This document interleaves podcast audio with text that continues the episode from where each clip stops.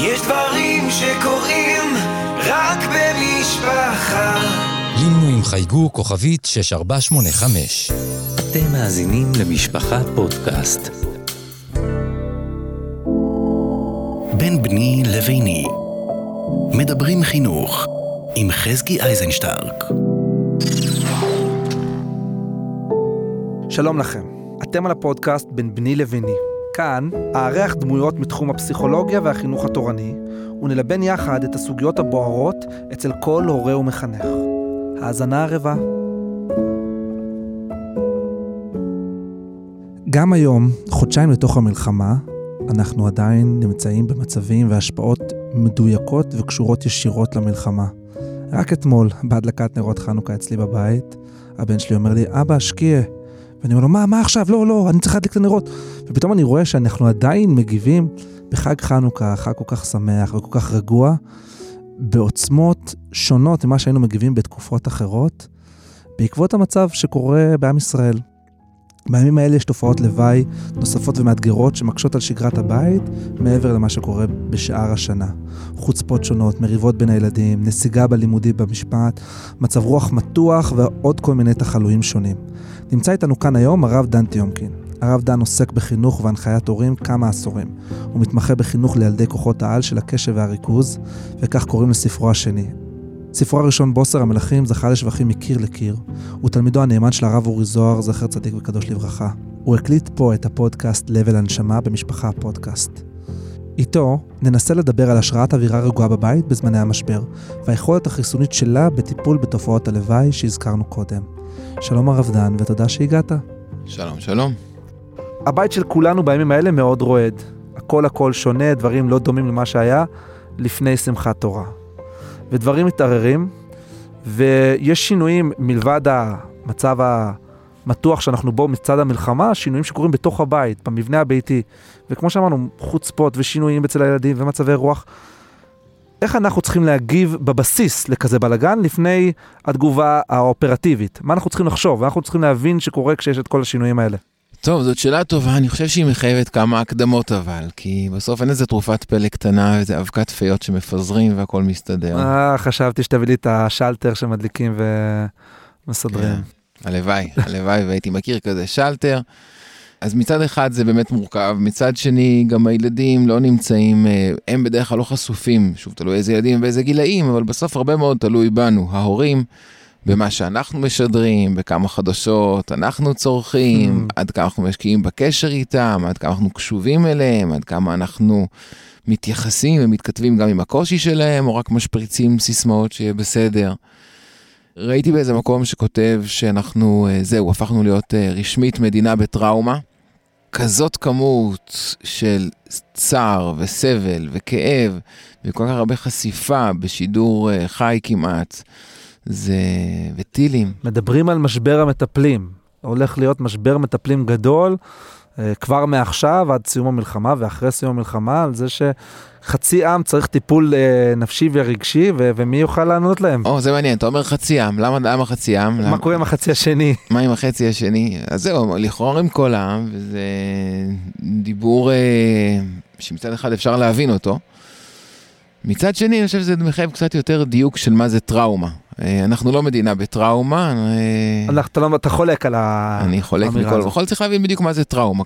טראומה זה מצב קשה, יש בחדר מיון אה, חדר טראומה, כן, זה, זה טראומה, אבל לא כל טראומה גורמת למחלה המפורסמת שנקראת פוסט-טראומה, PTSD. Mm-hmm. צריך להבין מה זה פוסט-טראומה, נחזור אחורה, איך אפשר למנוע את זה, או איך אפשר לייצר כמה שיותר חוסן. כמה שיותר בית. אז טראומה אנחנו כן נמצאים. כן, אבל לא כל טראומה יוצרת פוסט-טראומה. אוקיי, אז תספר לי קצת, איך טראומה מביאה פוסט-טראומה, ואיך אנחנו מונים את הפוסט-טראומה. ואנחנו עדיין בשלב ההקדמה. אז הקדמה להקדמה, נפש האדם, כידוע יש לנו נפש אלוקית, כידוע יש לנו נפש בהמית. הנפש האלוקית אה, אחראית על אה, היעדים שלנו בחיים, והנפש הבהמית מפעילה לנו את מערכות הגוף השונות ומערכות הנפש השונות. ולומדים את זה מפסוקים, נשמות אני עשיתי, התניא מעריך בזה, יש בזה, כן, כל חוכמת אה, נפש האדם מעריכה מאוד במערכות השונות האלה. אני זוכר שכשלמדתי את זה עם הרב אורי זוהר, את התניא. כן. זכר צדיק לברכה, אז הוא אמר, שהוא אמר, הנפש הבהמית שלי זה לא רק סוס, הוא אמר לי, יש גן חיות שלם. יש לי גם אה, תוכי וטווס ושועל ואריה ונמר. כן, לא רק הוא, כל אחד. נפשנו מלאה ב... כן, נפש, צדיקים ליבם ברשותם, צריכים לשלוט ולנהל את כוחות הנפש האלו.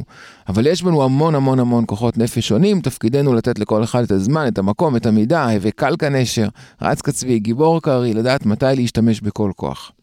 אבל יש בנפש איזשהו מצב שנקרא מצב חירום, או מצב הישרדות. מה הכוונה? הדוגמה הקלאסית זה אם אדם הולך ביער ורואה דוב. ועכשיו הוא לא יעשה חשבונות ארוכי טווח ולא יחשוב עכשיו יותר מדי על uh, השקיעה היפה מאחורה ועל uh, אם הוא צריך עוד להספיק לכבות את הגז בבית שלא יישרף לו הפסטה. אדם רואה דוב, מגיב. הוא מגיב מיד, זאת אומרת מבחינה נוירולוגית המוח מזהה סכנה, האמיגדלה, הגלה הישן שבמוח מזהה את הסכנה, ופשוט כמו שהפחת בארון חשמל מוריד את השלטרים של, של מה שמקצר, ככה גם האמיגדלה מכבה את המערכות שלא נצרכות כאן ועכשיו להישרדות. הן לא רק שהן לא נצרכות, הן מפריעות. הן מפריעות, מאיטות, מסרבלות, ו...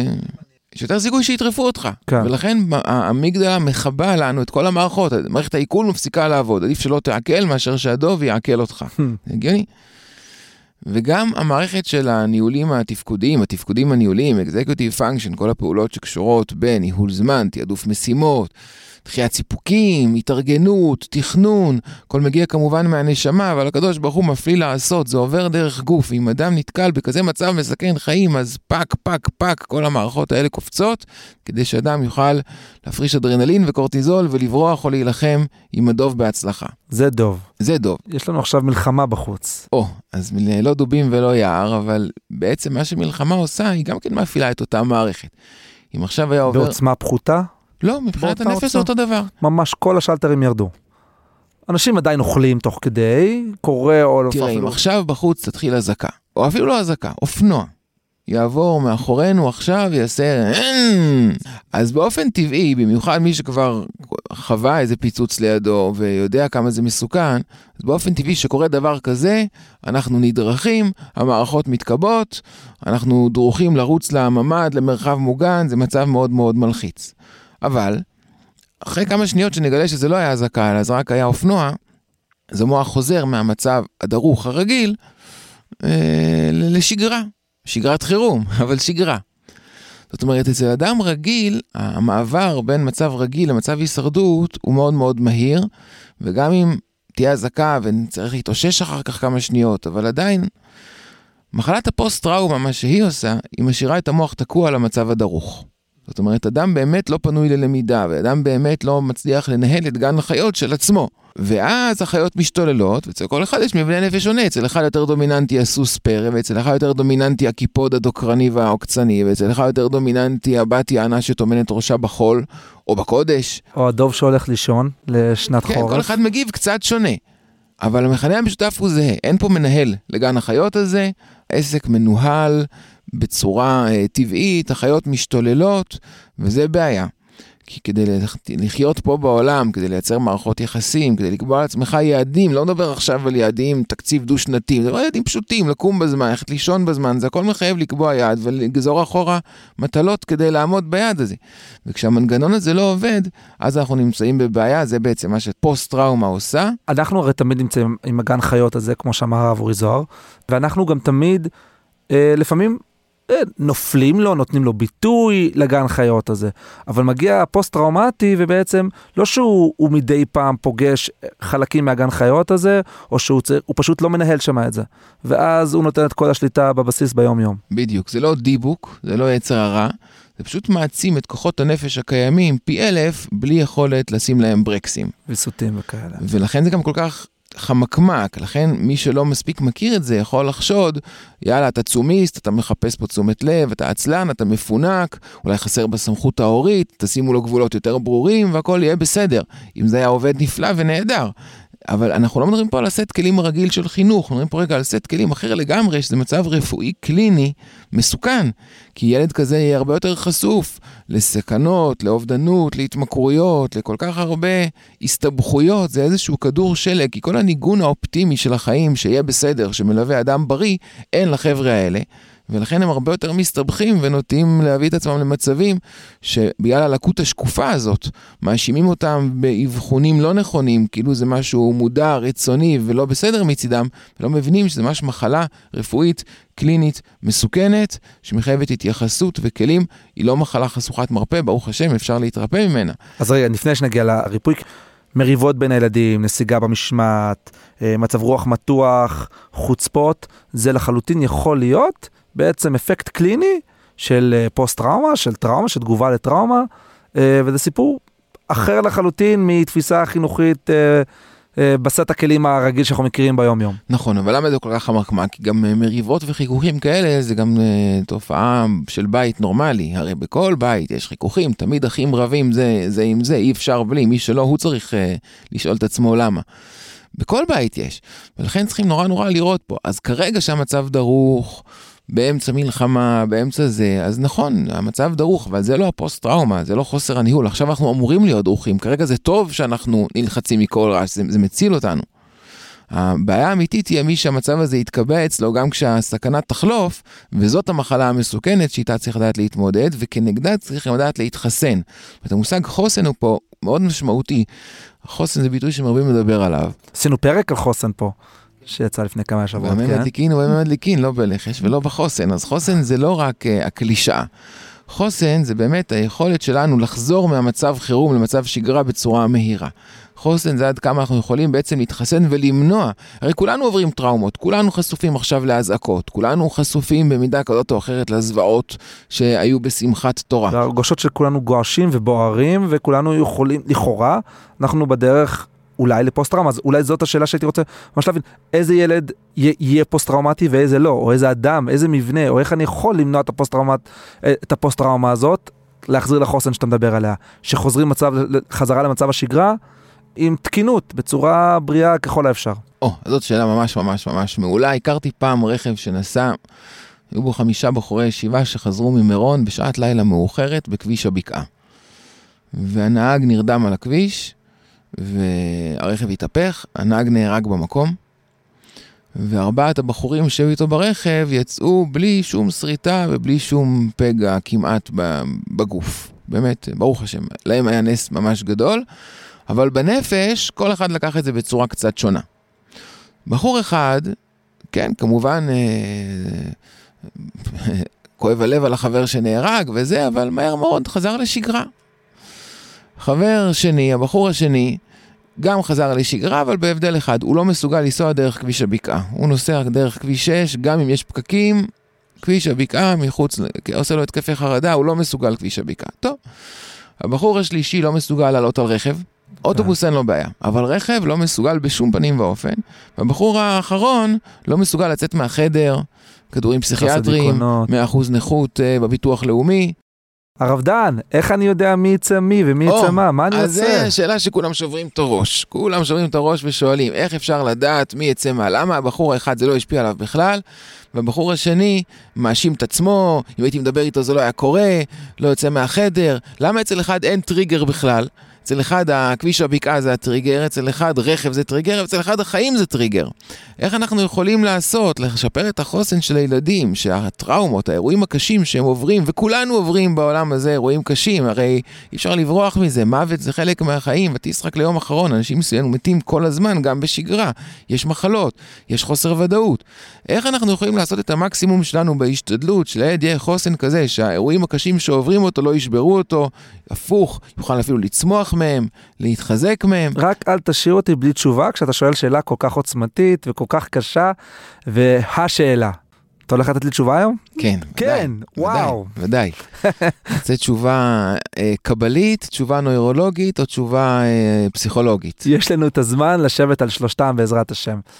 אז דיברנו על טראומה, דיברנו על, על הסיפור של הפוסט טראומה והסכנות שלה, ואנחנו עכשיו רוצים להבין איך אנחנו בזמן הטראומה, או מה הדברים שאנחנו יכולים לעשות כדי למנוע את הסיפור הזה שנקרא פוסט טראומה.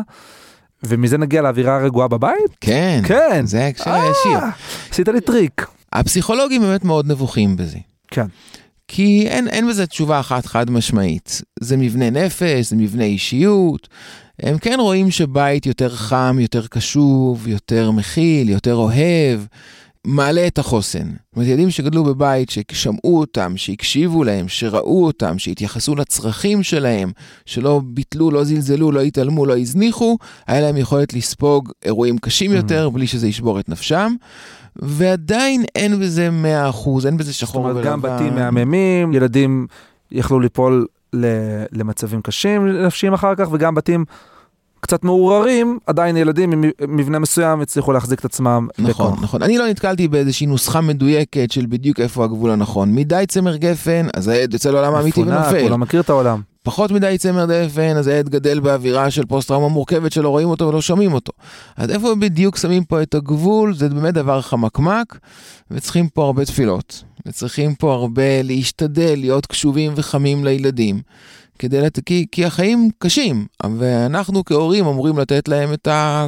קודם כל לראות אותם, וזה מה שיעצים אותם. התשובה הקבלית היא קצת יותר, אני לא מקובל, לא זכיתי, אבל כן זכיתי ללמוד אה, 20 שנה עם הרב אורי זוהר, והרב אורי שהוא בהחלט היה מקובל. הוא למד, אה, כן, מתחילת התשובה, הוא למד אצל הרב זילברמן, בהמשך גם אה, בעוד מקומות. אה, אז הוא הראה לי ספר שנקרא לשם, לשם שבו והחלמה, זה ספר שכתב הרב אלישיב, סבא של הרב יוסף שלום אלישיב, מקובל, שלמה אלישיב, שכותב בלשם. אני אגיד את ההבנה שלי בדברים, זה מילים מאוד מאוד עמוקות, שאני לא בטוח שהבנתי עד הסוף, אבל הוא אומר שכולנו נשמות, ולכל נשמה יש תיקון שונה, מסע שונה פה בעולם, ניצוצות שונים שתפקידנו לגאול ולפדות. יש נשמות שתפקידן הוא יחסית פשוט ומחייב אה, תיקונים רגילים של לאכול לחם ולפדות את הניצוצות ששם, לא על הלחם לבדו יחיה האדם, אלא על כל מוצף יש שם יחיה האדם, אז השם יזמן לו לחם, פעם תוצרת אוקראינה, פעם תוצרת רוסיה, פעם תוצרת אה, אה, אה, עמק יזרעאל, אבל בגדול אנחנו עושים את התיקונים שלנו ופודים את הניצוצות שבעולם, בשנה ושבנפש בצורה טבעית, אורגנית והכל נפלא. ויש נשמות שיש להן תיקון יותר מורכב. והן צריכות לרדת לתהומות, לפדות את הניצוצות ששם כדי להעלות אותם אחר כך בחזרה. דוגמה לדבר יוסף הצדיק, שהבחור טוב מבית טוב, אבל מה לעשות, הוא היה נשמה דתוהו, זה השם המקצועי של הנשמות המורכבות יותר. התיקון שלו חייב אותו לרדת למצרים, לערוות הארץ, לסבול שם ניסיונות לא פשוטים בכלל. והקדוש ברוך הוא אל נורא עלילה, סובב תסריט שלם, איך שולפים אותו מהחברותא עם אבא שלו ומורידים אותו למצרים.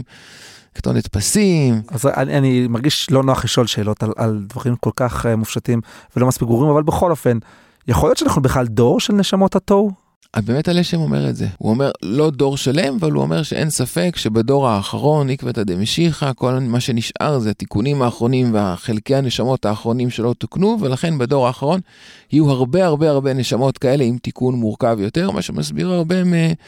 תפתח עיתון ותראה מה הולך שם, אה, זה מסביר הרבה. שאל הרב אורי זוהר, איך בדיוק הקדוש ברוך הוא יודיע לאותן נשמות שהן נשמות דתוהו ושיש להן מסלול לא פשוט לעבור. כן, זה לא פייר, הוא כל הזמן יכול. לחשוב שלא פייר, הוא יכול אה, לא להבין, הוא חייב את ההודעה הזאת. אז הוא ענה תשובה שהוא עושה את זה דרך אותיות באנגלית.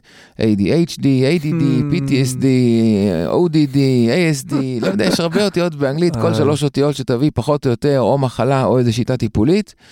וריבוי התופעות האלה בדור שלנו נובע לא רק מריבוי האבחונים או התזונה הקלוקלת, אלא באמת שגם בגלל... הם כמובן רלוונטיים ונכונים. הכל רלוונטי, אם היה פה עכשיו נוירולוג, אומר לי, יאללה, דבר יפה, אני יכול להראות לך צילומי FMRI של ממש מוח, של עכשיו מוח פוסט-טראומה. משתנה בפוסט טראומה כן. ובילדים קשב וריכוז ודברים ממש שונים בתוך המוח בין האנשים. זה מדעי, זה מדיד, זה לינארי, זה, זה לגמרי אמיתי, אבל זה לא השורש.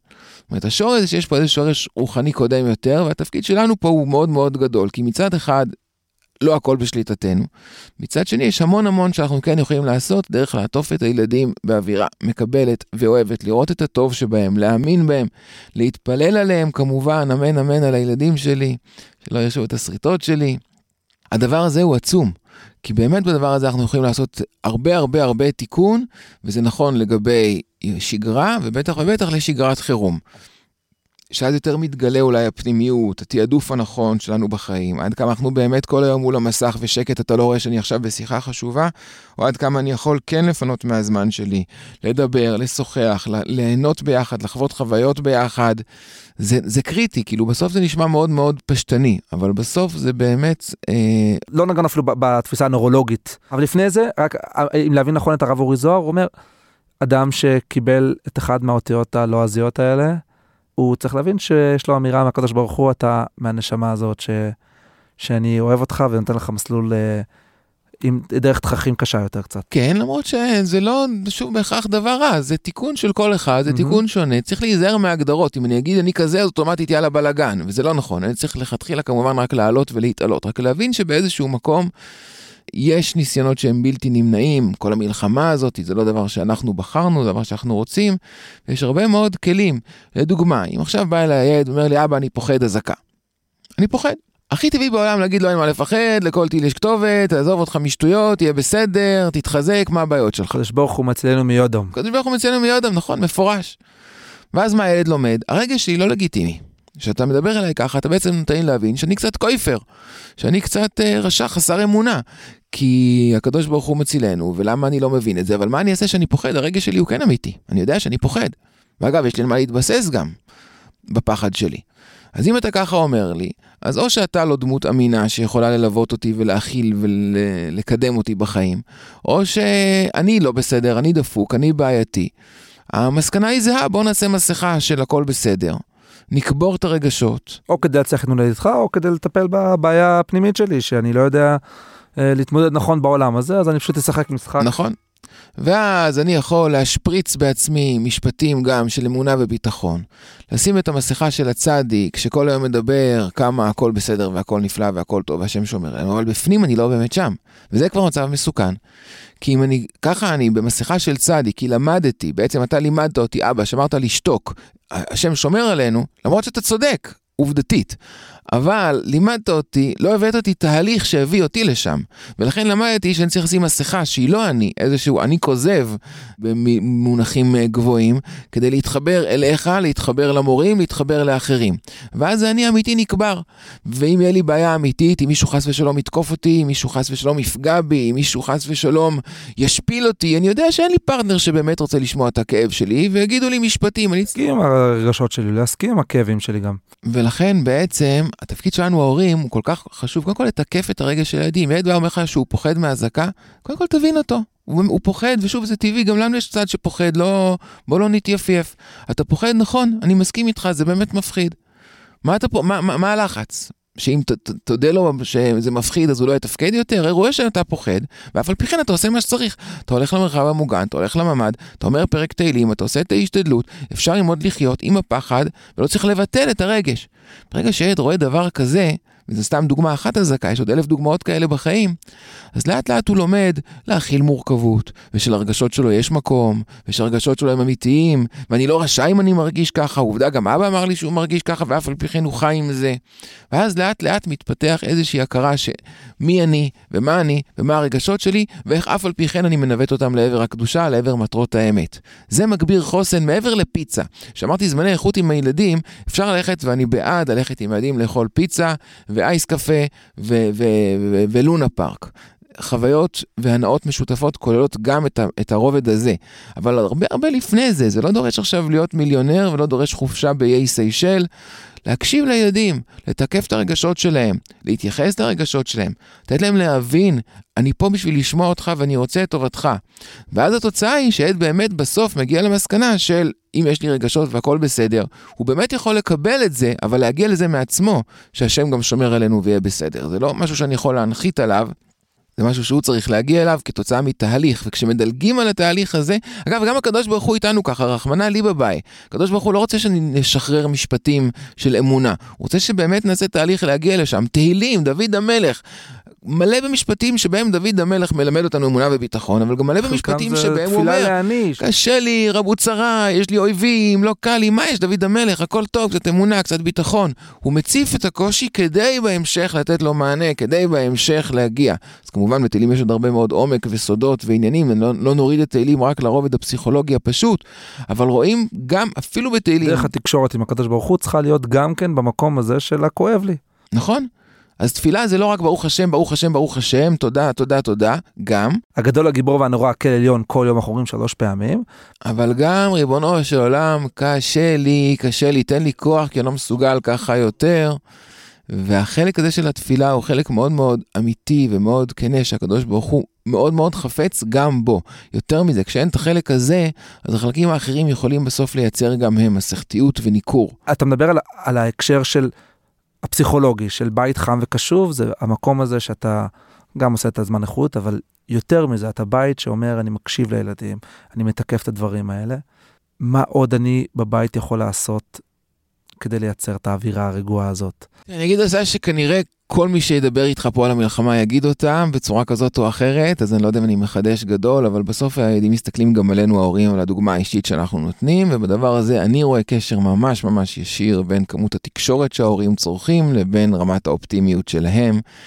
אה, כשצריך לצרוך תקשורת לדעתי, צריך לדעת על מה להתפלט, צריך לשאת בעול, עם ישראל בצרה, עת צרה היא ליעקב, אבל מצד שני ריבוי העיסוק בזה מייאש, מתסכל, מרוקן, ולכן צריך לדעת לעשות את זה במידה קצובה. אני אישית התחברתי, יש איזו קבוצה שנותנים בה את החדשות פעמיים או שלוש ביום, קצר, מתומצת, ובסוף מסיימים גם תמיד במשהו טוב ואופטימי. ומעבר לזה אתה לא צורך חדשות בשום צורה. ומעבר לזה, אה, קודם כל יש לי גם מכשיר שאין בו... אה, כן, אבל אתה רדיו פה ושם, ויושבים לא, לא, במשרדים אני, וכאלה. אני ממש ממש לא. משתדל שלא. אני רואה כמה זה שואב. קודם כל זה לא יעיל. רוב מה שאתה שומע בסוף מתגלה כלא נכון, כפייק, זה היה אזעקת שווא, זה היה התרעת שווא, זה היה פה, זה היה שם, זה היה ספקולציות, בסוף זה לא. כל כך הרבה פייק וכל כך הרבה דברים שבאמת סתם שואבים אותך, זה לא ניצול זמן נכון. ואפילו שאתה אומר, טוב, אני אבל יודע על עצמי לשמור. היל- זה משפיע, וגם יותר מזה, גם הילדים רואים מישהו שכל היום דבוק לחדשות, דבוק לשמיעה, לא אכפת לי אם זה דרך קווי נייס, או אם זה דרך רדיו, או דרך כל צורה שהיא. זה לא בריא, אז צריך לצרוך, אבל במידה קצובה, ואני אומר לך, אני רואה ממש קשר ישיר בין האופטימיות של בני אדם לבין כמה הם צורכים את זה, אז עד שלא נדבר איך לתווך את זה לילדים, בואו נדבר רגע איך מתווכים את זה לעצמנו. או, אז זה כבר באמת עונה לשאלה.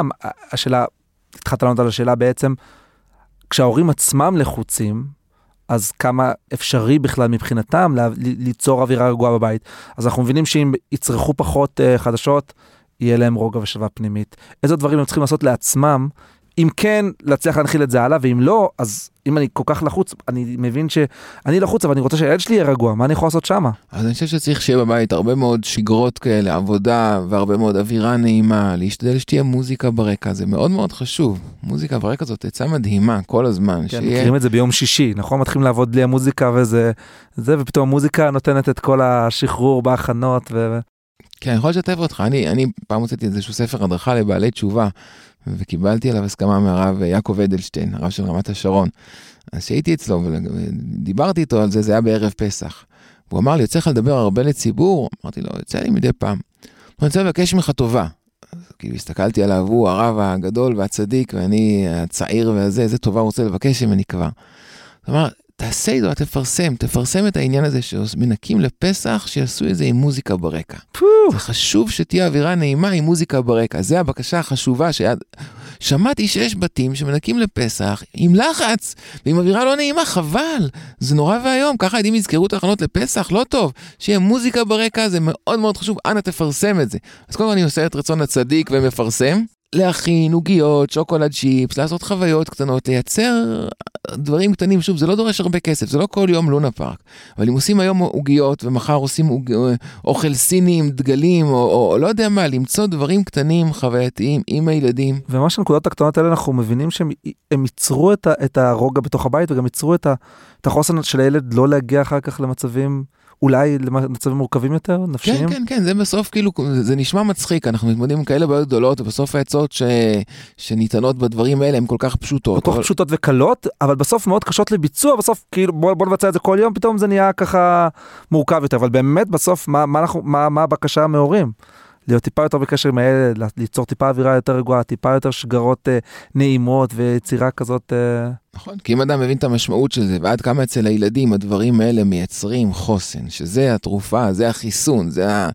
זה מה שאנחנו יכולים לעשות בצורה הכי טובה, למנוע מהם את כל הצרות הנוראיות של טראומה והסתבכויות שלה, שאם זה קורה אנחנו כבר בסרט אחר לגמרי, אז זה באמת שווה, ואז אם יש לזה איזשהו קשב ניהולי, אם אני מגדיר לעצמי כיעד, לי יש יעד אה, אישי לענג את השבת, אז זה דורש ממני לעשות, לא לקנות רק פיתה וחומוס לשבת, אלא לעשות קניות ולבשל ולגזור אחורה, כל ה... מי שטרח בערב שבת המוכר. כן, כי זה. יעד שיש לי בחיים, לי ולאשתי, ניתן גם לה את הקרדיט, לרוב הקרדיט. בדיוק. ובזכות היעד הזה שהגדרנו, אני מבזבז הרבה זמן והרבה כסף, אני לא מקטר, אני לא מתבכיין, אני לא... אני שמח כי זה יעד שחשוב לי. יש לי יעד להתפלל שלוש תפילות ביום. שוב, אני עושה את זה באהבה ובשמחה, כי זה יעד שחשוב לי. אם אני אגדיר לעצמי פה עוד יעד, בתוך כל היעדים הרוחניים האגואיסטיים כביכול שלי, יש לי עוד יעד, שהילדים יגדלו בבית חם, בבית אה, קשוב, בבית אכפתי, אז אני עושה בזה תיקון עצום. מקסים, הרב. אז אני רוצה, לק- לקראת סיום רק לדעתי, אולי פספסנו את הנקודה הזאת. אתה רוצה להתייחס לה- להקשר הנוירולוגי אה, של, של הפוסט-טראומה? אז בהקשר הנוירולוגי יש חידוש כזה. מצד אחד, שוב, הנוירולוגים יאבחנו וינציחו, יזכרו וינציחו את המצב הקיים. והם צודקים במאה אחוז, זה המוח, מה שהם רואים, זה, זה מה המוח וזה שקורה. מה שהם רואים. אבל החידוש הוא שלמרות שיש עניין להנציח ולזכור את המצב הקיים, מדבר סקר תרחק. אפשר גם להשפיע על המציאות. ושמחה ואווירה נעימה ותקשורת בריאה בבית יכולה לעשות המון המון המון. אז נכון, יש מצבים קיצוניים שאתה צריך ללכת לאבחונים ולראות מה אפשר לעשות, לפעמים טיפול תרופתי. אני, אני לא בא לסתור את כל עולם הרפואה, רק אני אומר שהעצות הקטנות האלה של בית חם ומקבל משפיע המון המון המון על הבריאות הנפשית, ולכן לא צריך להתבלבל מהאותיות באנגלית, ב- ביכולתנו לעשות המון כדי לשפר ולקדם את המצב, למרות כל ה... אז אני אאתגר, אני מקווה ש, שזה בסדר. יש לנו תשובה טובה בתפיסה הפסיכולוגית, לייצר בית רגוע, בית קשוב. בתפיסה הנוירולוגית, ככל שנעשה את הדברים האלה, גם זה יכול להשפיע אפילו על המוח. ש- ראיתי לא מזמן מחקר שהמוח של נהגי מוניות באנגליה, בגלל העבודה שהם עושים כל כך הרבה לזכור את הכבישים והרחובות, איזושהי עבודה שהם עושים, אז המוח שלהם משתנה, מתרחב יותר ב- ב- באזורים של המוח שקשורים לזיכרון. כן, בעידן שלפני ה-Waze, כן. אבל הבנתי שעדיין המבחנים ב- לנהגי המוניות בלונדון, אותו מבחן. אה, הם טוב, צריכים להכיר כבישים ודרכים. טוב, ליבי עליהם. כן. אמ, אני רוצה לשאול על, העולם הקבלי, ששוב, אתה הבאת את ההבנה שלך ואני את ההבנה היותר מצומצמת להבין את מה שאתה אומר. מה המקום שלנו בכלל לנסות לשנות את הנשמה ואת ההחלטה או, זה הזאת. גם נפלא, פה אנחנו סוגרים את הקצוות, נהדר. אז אומר הלשם שהדרך לעזור לאותן נשמות, לעשות את התיקונים שלהם, זה לשלוח להם חבל. תחשוב, אתה למעלה, יש פה נשמה שנמצאת למטה בתהום, אתה רוצה להגיע אליה, להציל אותה, בתהום מסוכן, יש זאבים, יש uh, סכנות. אתה רוצה לעזור לה, לשלוח יד אי אפשר, כי היא מדי למטה. התפקיד שלנו זה לשלוח חבל. ממה עשוי החבל? לא מפשטן ולא מפוליאסטר, אומר הלשם, מעבותות של אהבה. האהבה והקשר טוב זה לא איזה וורט וזה לא איזה חידוש ניו אייג'י פסיכולוגי, אלא זה החבל שבאמת יכול אפילו לא לעזור מדעי להם. נורולוגי, הוא הרבה יותר מזה. זה החבל שאומרים בקבלה, שאיתו אני אאסוף את הנשמה הטובה. שאיתו הנשמה תוכל, כשיגיע הזמן שהיא תאסוף את הניצוצות שהיא צריכה לאסוף, יגיע הזמן, תגיע השעה, אין לך אדם שאין לו שעה, שבו הוא יסתכל ולראות יש חבל או אין חבל, וכל וואו. גילוי של אהבה, וכל גילוי של קבלה, וכל גילוי של קשר חם, מעבה את החבל הזה ומגביר את הסיכויים של הנשמות, למרות התיקונים שהן צריכות לעשות, זה כבר לא תלוי בנו, אבל שהם יוכלו לעלות כמה שיותר מהר, ושלא יתעכבו רגע אחד, בגלל שהחבל עדיין דק מדי. אז אני רציתי לאתגר אותך, לא מתחבר. לאתגר אותך, אבל הרגע שאני הולך לשאול שאלה שאולי לא תיתן את התשובה, זאת שאלה שסגרה את כל החצי שעה האחרונה, אז קודם כל תודה רבה שהגעת. לקראת סיום, או סיום, שאלה אחרונה שאני שואל תמיד את המרואיינים, תן לי בבקשה, מה לדעתך הדבר הכי חשוב שההורים צריכים לקחת איתם, לחשוב איתם, להסתובב איתם בימים האלו של המלחמה? טוב, אני אה, מסכם מה שדיברנו פה. ההורים צריכים אה, לדעת שמצד אחד אה, זה מצב לא פשוט. מצד שני, זאת ההזדמנות, כן, להגיע לקשרים, אם נצליח לתת קשב ניהולי, הורי, ולשפר את הקשר בבית, לשדר רוגע, לצרוך פחות, או לחסום רעשי רקע מייאשים, להרבות בקשר ומה שמעלה, אנחנו נעשה את התקופה הזאת תקופה בלתי נשכחת לילדים, וכמובן, כמובן, כמובן, הרבה הרבה תפילות, שנזכה שבעל הנחמות בעצמו ינחם אותנו מכל הכאב והצער. הרב דן טיומקין, תודה רבה רבה שהגעת. תודה, תודה. האזנתם לסדרת בין בני לביני מבית משפחה פודקאסט. אני חזקי אייזנשטרק. תודה לעורכת תהילה סיטון, למפיקה איילה גולדשטיין ולעורכת הסאונד שיראל שרף. אפשר להאזין לפרקים נוספים בכל אפליקציות הפודקאסטים, באתר משפחה ובקו הטלפון 02-652-3820, שלוחה 39.